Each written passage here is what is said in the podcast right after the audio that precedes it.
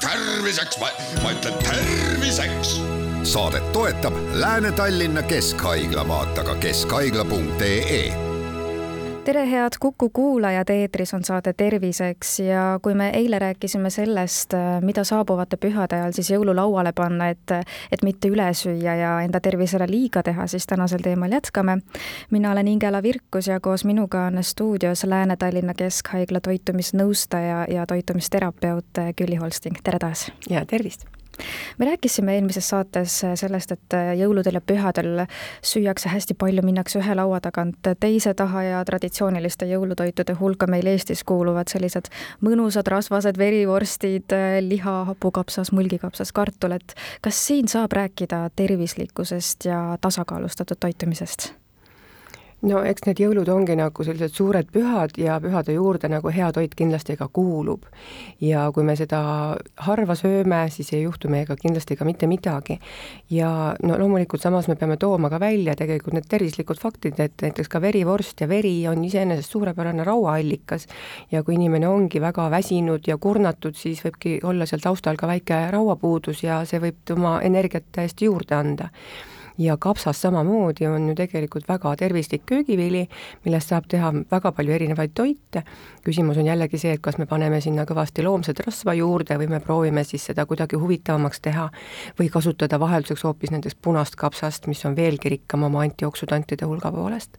ma tean inimesi, kellel tuleb juba verivorsti isu esimese lumega, ehk et alustatakse selle toiduga juba mõneti juba kusagil novembris näiteks ja tõenäoliselt lõpetatakse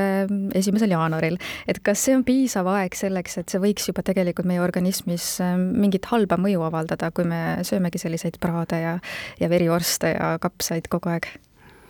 No tavaliselt muidugi äh, see aeg äh, läheb niimoodi märkamatult ja me ise ei saa võib-olla seda nii palju arugi, aga lihtsalt nagu meeldetuletuseks võib-olla see, et verivorstist me ei räägi tegelikult kui nagu lihatoidust, kuigi ta on lihaletis ja lihatoitudega kõrvuti äh, poes müügil, et tegelikult sisaldab ta enamasti ikkagi teravilja ehk kruup õppe. nii et tegelikult jah, kas sinna kõrvale nüüd kartulit on veel vaja või mitte, nii et tegelikult verivorst sobib küll kapsaga väga hästi kokku ja, ja nüüd ongi küsimus selles, et tasakaalus, et kuidas seda on siis tasakaalustatud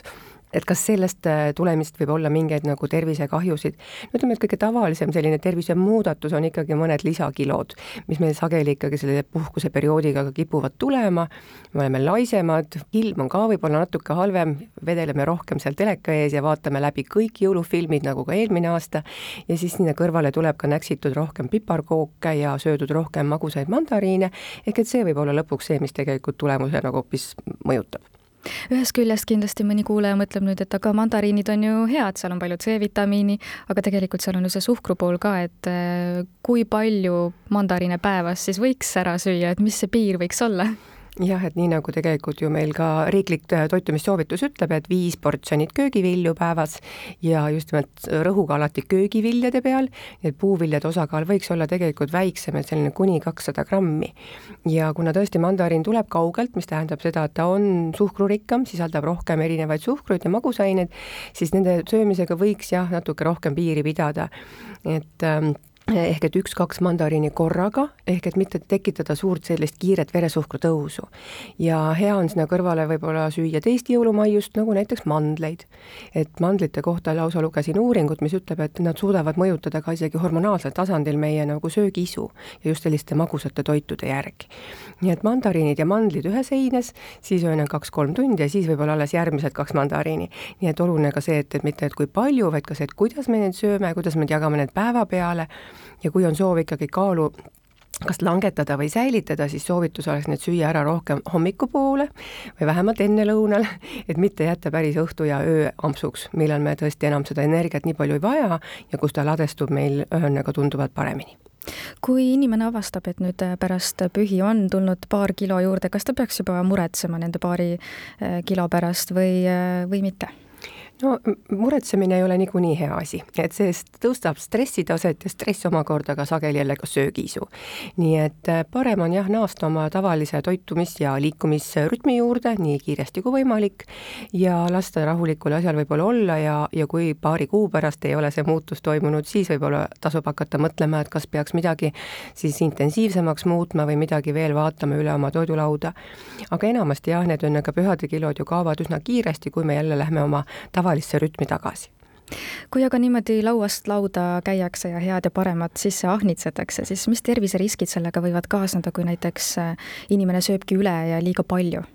No kõige tavalisem äh, probleem on see, et inimene tõesti sööbki liiga palju ja eriti, kui on tegemist vanema inimesega, see seedimine ei pruugi olla ka nii kiire. ehk et sinna makku tõepoolest tuleb nagu kõvasti seda toitu ka mahuliselt, magu venib ja surub ka südamele peale. ehk et sageli võib tekkida selline õhupuudus ja südame kloppimine ja sealt ka ärevus ja kui inimesel on juba olnud mingi südameprobleem, siis jah, võib asi muutuda nii ärevaks, et ta tõepoolest vajabki nagu kiirabi abi. nii et, et selles mõttes kindlasti kindlasti tasub pigem nagu alustada pisut võib-olla varem, teha vahepeal söögile ka pause,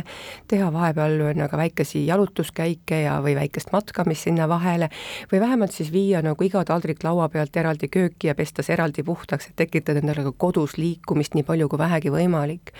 et mitte jah, olla seal istuvas asendis, mis ka tegelikult ei soodusta meie seedimist kuidagi. ja pikali viskamine ei ole ka kõige parem variant, sest sel juhul täpselt samamoodi meie ainevahetus aeglustub ja samamoodi toit on veelgi kauem seal maos ja venitab seda veelgi rohkem välja et ei pea tingimata leiba luusse laskma kohe pärast äh, õhtusööki?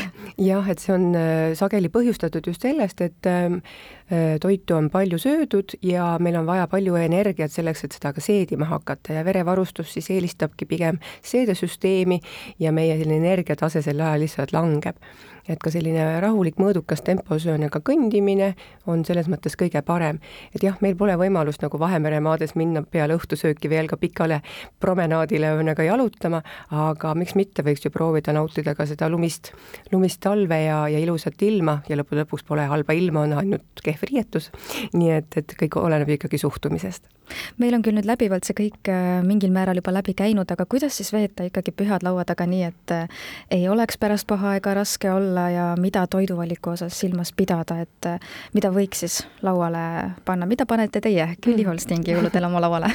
no kindlasti mul on vähemalt mõned, üks või kaks sellist jõulusalatit, et midagi värsket ja seal on sageli ka näiteks granaattõuna ja mingeid ka puuvilju sees, ehk et nad on sellised alustused ehk et starterid, nagu öeldakse, mis panevad ka seedeensüümid paremini tööle ja sisaldavad ka ise ensüüme. ja tänu sellele ka edasine toit on juba natuke kergem nagu omastada. ja kindlasti jah, et püüan pidada nagu pikemaid pause järgmiste söögikordade vahele ja öö, rikastada neid mingisuguse liikuva tegevusega. ja jällegi see, et kas me valime siis ühesõnaga linnuliha või valime me loomaliha, noh näiteks küülik on praegu väga populaarseks muutunud, eks ole, et ka võib-olla seda väga rasvast hanegi enam väga ei armastata, aga miks mitte ka kala, et ja siin ka sama küsimus, et kui suured peavad need portsjonid olema, et me oleme ka harjunud, et on ikka hästi suur see tükk ja siis ja lihatükk ja, või, või see praetükk ja siis sealt lõigatakse endale sellised tugevad ribasid, et tegelikult äh, noh, piisab meile ka palju väiksemast kogusest, et soovitusriiklik on ju ainult süüa nagu viissada grammi punast liha töödelduna äh, nädalas, et kui see saab ühel õhtul söödud, siis tegelikult peaks justkui edasi söömagi ainult ühesõnaga taimset toitu. ja nii see ka päris olema ei pea, aga tasub jah, igal juhul neid portsjoneid võib-olla üle vaadata ja proovida valida selle asemel võib-olla rohkem kvaliteeti ja, ja vähem siis seda kogust ja, ja nautida igat suutäit miks mitte ka tuua nagu jõululauda ka teemasid, kuidas miski maitseb, kuidas miski toit näiteks ka hamba all häält teeb et eriti, kui on lauas lapsi, siis võib olla päris huvitav kuulata, kuidas lapsed räägivad, kuidas ühesõnaga üks või teine asi krõbiseb või loksub või lodiseb ühesõnaga suus ja see on juba selline mm, tegevus, millega me suuname ka oma närvisüsteemi ja aju äh, seda toitu seedima. ehk et me mõtleme toidust, räägime toidust, sööme toitu, siis see ka para-, sageli ka parandab seda seedimist üleüldse et mitte ei pea rääkima tervislikkusest, kui tervislik kõik on ja kui palju vitamiine seal on, et see võib-olla on natuke tüütu ja kõlab nagu manitsusena, aga läheneda just natuke mängulisemalt, natuke lõbusamalt ja miks mitte ka lauda katta lõbusamalt, et proovida võib-olla sinnagi mõningaid puuviljadest ja köögiviljadest mõningaid toredaid kuusepuid või või, või jõuluvanasid ühesõnaga meisterdada, et see pakub rõõmu kogu perele aitäh teile saatesse tulemast, Lääne-Tallinna Keskhaigla toitumisnõustaja ja toitumisterapeut Külli Holsting ning palju jõudu ja jaksu ja loomulikult rahulikku pühade aega! aitäh!